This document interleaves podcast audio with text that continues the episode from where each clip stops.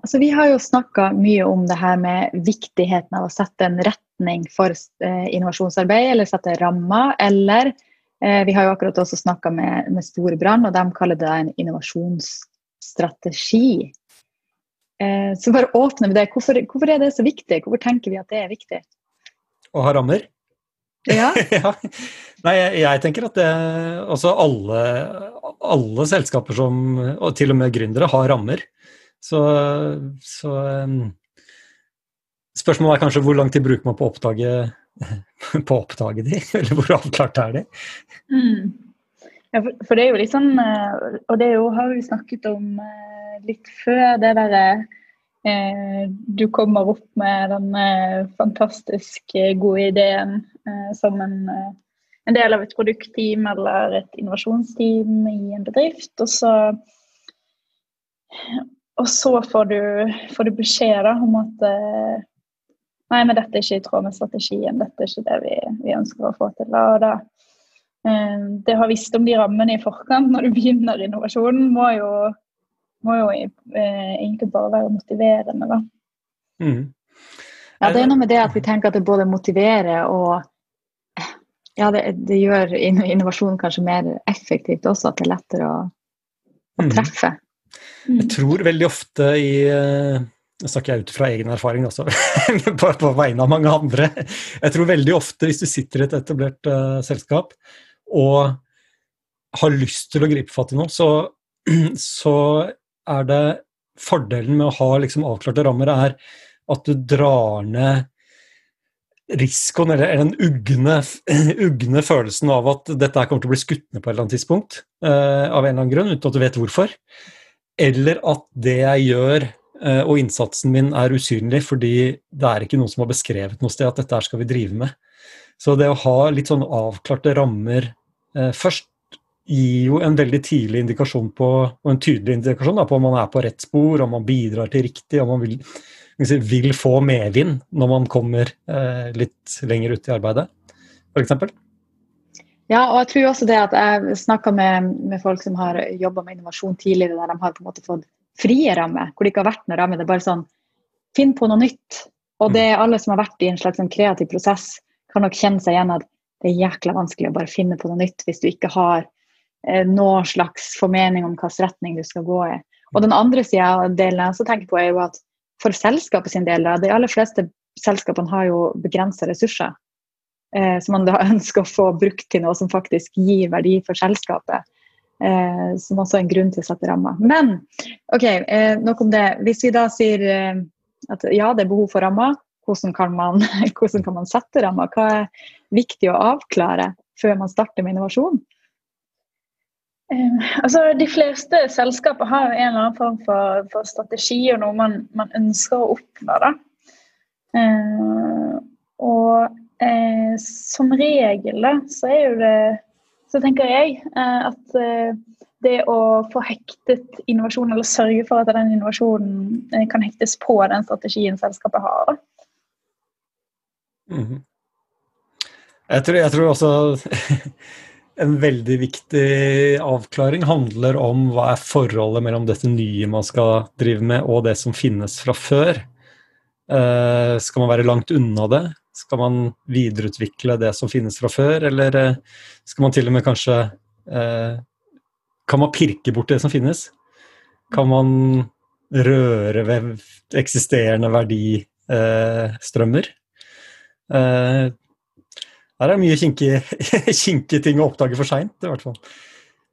Ja, og vi har jo, eh, vi har jo snakka om det her tidligere også på Frokost og fag, og da var jeg veldig opptatt av det her med å eh, definere hva man legger i ordet innovasjon, fordi at det er så et utrolig bredt ord som kan dekke veldig mye. og det er liksom det med at Hvis en leder snakker om innovasjon og tenker at du skal gjøre eh, prosessinnovasjon i på en måte veldig sånn iterativ mm. arbeid, mens eh, Hilde Marie da, som sitter i det teamet som skal gjøre det, tenker at hun skal liksom skyte av gårde en uh, helt ny rakett litt sånn Elon Musk-style. ikke sant? Så, så, er man jo på to litt forskjellige planeter. Og det nevnte jo også Camilla i Storebrand, at, at de brukte mye tid på å finne ut av hva de som selskap legger i ordet innovasjon. Hva, hva er det egentlig de prøver å få til, hva er det de ønsker å oppnå. Mm. Mm. Mm. Og de var jo veldig på det altså De endte vel opp med det at de, de har jo en vekststrategi og sørger for at den innovasjonsstrategi De laget vel en uh, innovasjonsstrategi, egentlig, da, uh, som skulle ektes på vekststrategien deres. Mm. Et, et, jeg lurer på nå, den, dette med å ha tydelige rammer og lage en strategi. altså Det er her vi har et sånn møte mellom top down-tilnærmingen, eh, hvor du liksom sier at okay, det er dette vi vil som selskap, vi som eh, eier det og leder det, og det rommet som eh, hvor, hvor, liksom de tusen blomster kan blomstre. Ikke sant? Det, det, det er en sånn måte å si 'her er åkeren dere kan så frøene i', og her er omtrent de blomstene vi vil ha. er det et greit bilde på disse rammene? Ja, det er jo kanskje det. Ja, vi skal lage frukt. Det er jo noe med liksom, liksom. Hva, er, ja, hva, er, mulighetsrommet, på en måte. Mm. Og så er det jo de her også eh, typiske tingene. Liksom, skal det være nært kjerne? Altså, sånn, så Storbrann hadde jo bevisst valgt at eh, de føler at det er så mye som fortsatt kan gjøres innenfor den kjernen som de jobber med i dag, og bevisst ønsker innovasjon der. Men så er det den andre vurderinga om liksom, er det inkrementelt eller radikalt. Og da var de på at det er mer radikal. Men det er altså da radikal innovasjon nær kjerne. Og det er jo på en måte en ganske tydelig eh, føring, uten at det blir liksom for snevert. da. Fordi at jeg er jo også sånn det er jo mange hvis jeg sier at jeg, hvis, hvis, jeg prøver ofte å unngå å bruke ordet strategi, fordi jeg opplever at kanskje spesielt dem som sitter i et autonomt team eller sånn, steiler litt og bare ingen her som skal komme og trene strategi over hodet på meg. Eh, da oppfattes det som en bestilling. Mm. Eh, så man være litt eh, bevisst det da, at når man snakker om å sette rammer for innovasjon, så er ikke det det samme som at det er en bestilling på at her, det er det her du skal lage. Ja, men det er jo tenker, en nesten sånn drømmesituasjon. Få lov til å innovere eh, si radikalt nær kjernen. Det er jo så nære disruptiv innovasjon det kan komme. Det er liksom å få lov å kaste alle baller opp i luften og, og, og, finne opp selskapet litt på nytt. da.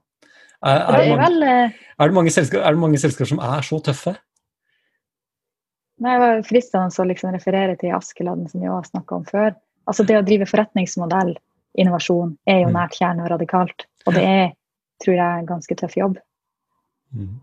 Det er kanskje typisk de selskapene som, som ser at de kan være litt trua da, eh, av at andre gjør det, hvis ikke de gjør det selv. Er det da man trenger å gjøre sånn, legge en sånn strategi? Ja, Du tenker akkurat det å skulle drive radikal innovasjon nært kjerne? Ja, for jeg er så glad i akkurat det. ja, ja. Hvilke eksempler har du, da? da? Eller siden du er glad i det, Andreas, kan du ikke Jo, nei, altså jeg tenker jeg tenker, eh, altså Hvis du har en etablert virksomhet, du tjener godt med penger, du, det er jo dette du lever av i dag. Eh, og det å tørre å tukle med det, eh, det å tørre å utfordre seg selv eh, på å prøve å finne opp, eh, finne opp seg selv eh, på nytt, det, det, er jo litt det som er i, i, i si, skoleboka på de Innovators Dilemma osv. Hvis, hvis, hvis du er for gift med eh, dagens forretningsmodell, så kommer du ikke til å evne eller ville eller Eller det gir ikke mening for deg å ødelegge for deg selv. Og dermed så blir du ødelagt for. Fordi noen andre kommer til å gjøre det. Hvis du mm. Og Eksempelet med Nokia er jo ikke nødvendigvis et bra eksempel, men, men eh, eh, Nokia Afon og, eh, og Kodak, mener jeg. Eh, men, eh, men, det er jo veldig sjelden man faktisk treffer selskaper som tør å ta en så radikal beslutning, eller ta, legge en så radikal innovasjonsstrategi. Ja, for da, da, tenker du liksom For, for der ser jeg altså, de, to litt ulike måter å drive radikal innovasjon på nært kjernen. For sånn som jeg opplevde f.eks. i Store brann, eh, så handlet det om å finne nye problemer å løse for en eksisterende kundebase, f.eks. som ikke har tjenester eh, som støtter det i dag. Det var jo noen eksempler som ble dratt om. Så, så det er ikke nødvendigvis snakk om å legge om hele forretningsmodellen. deres. Der er det nær kjerne, ikke i kjerne. Ja, ja, ja så det er det som er forskjellen, da. Ja. Mm. Jeg har et eksempel til. Nå vil jeg bare utfordre dere litt på sparket her. Eh, jeg, litt, eh, jeg, skal prøve å være anonym, men det er fra en tidligere jobb, da, så det er ikke så, så farlig. Men jeg har jobbet da med si, flyplassrelatert virksomhet i Norge. Hvor en av de store inntektsstrømmene er jo parkering. Eh, og da vi så på kundebehov der, så Eh, så gjorde vi først en kjempejobb med å gjøre det lett å parkere med sånne kameraer og, og automatisk betaling osv. Men allikevel, eh, når, når, det var på plass, så ser vi at et reelt kundeproblem nå er jo liksom når du skal hente noen eller levere noen på flyplassen, så vil du ikke parkere og utløse alle disse store eh, kostnadene. Men det finnes en gratis haug på vei inn til Gardermoen. Jeg har sett den. Eh, ja, ikke sant? Og, og, den var jeg veldig klar over. Det, Og hvorfor står folk der? Og der begynte vi å gjøre en del spørreundersøkelser. Ok, De står der, venter og, og bruker faktisk tjenestene til da denne aktøren til å følge med på når flyet faktisk hadde landa. Og så er spørsmålet skal du begynne å løse det kundebehovet der. Er det noe her man kunne begynt å grave i? Og der begynner du å pirke borti nær kjerne. ikke sant? Skulle du gjøre noe her, eller er det en ramme her som sier at nei, den rører du ikke, fordi da tukler du med en så viktig inntektskilde. Så det var som et eksempel da, på skal man, tør man gjøre noe? Eh, og, og, der var jeg, det må jeg ærlig innrømme, som den, den som, der jeg er glad i innovasjon, er jo at shit, her er det et kundeproblem. Det går an kanskje å tjene penger på det også, det er noen her som har lyst til å bruke en kanal for å finne ut uh, når, når du skal hente en kjæreste eller venn eller et eller annet sånt noe, som ja, kan tenkes skal gjennom taxfree-en, kanskje skal kjøpe en gave til deg. Det er masse muligheter her da, som, som man ikke tør å ta tak i fordi det er så nær kjernen. Ja, og så tror jeg kanskje jeg vet ikke helt, men, men ehm, det kan det også ha litt med hvilken motivasjon man har for å drive innovasjon. Altså, vi har snakka tidligere om det her med å få et liksom, dytt utenfra ved at det er konkurranse eller inntektene går ned, eller du må gjøre et eller annet. Du kjenner det veldig liksom, at her må vi gjøre noe. Eller om det er mer den her indre motivasjonen at bare du ønsker til enhver tid å gjøre det best for dine kunder. Mm, mm. Så tror jeg det kan trigge litt ulik type innovasjon. Eh, og så er det jo også sånn at eh, selvfølgelig, man må jo ha også en inntektsmodell i de aller Altså, man må jo det man, for, for, at selskapet skal kunne gå rundt. Så det kan jo være skummelt å pirke for mye borti det som er liksom melkekua. Men der må det være interessant å vite om man kunne på en måte klart å etablere noen nye inntektsstrømmer der, basert i det behovet. Og så er det jo sikkert sånn for det om noen står på den gratishaugen og, og venter, så er det jo alltid noen også som har lyst til å stå liksom, å se når den døra går opp og folk kommer liksom ut med taxfree-poser og alt. og ja. Er, eh, jeg er helt sikker på at her er det her er masse tapte muligheter. ja, det hadde vært interessant å se. Mm. Kunne man klart å bygge en tjeneste rundt det behovet som, som potensielt noen også hadde lyst til å betale for? Hadde man klart å gjøre det så bra, liksom? Ja. Mm.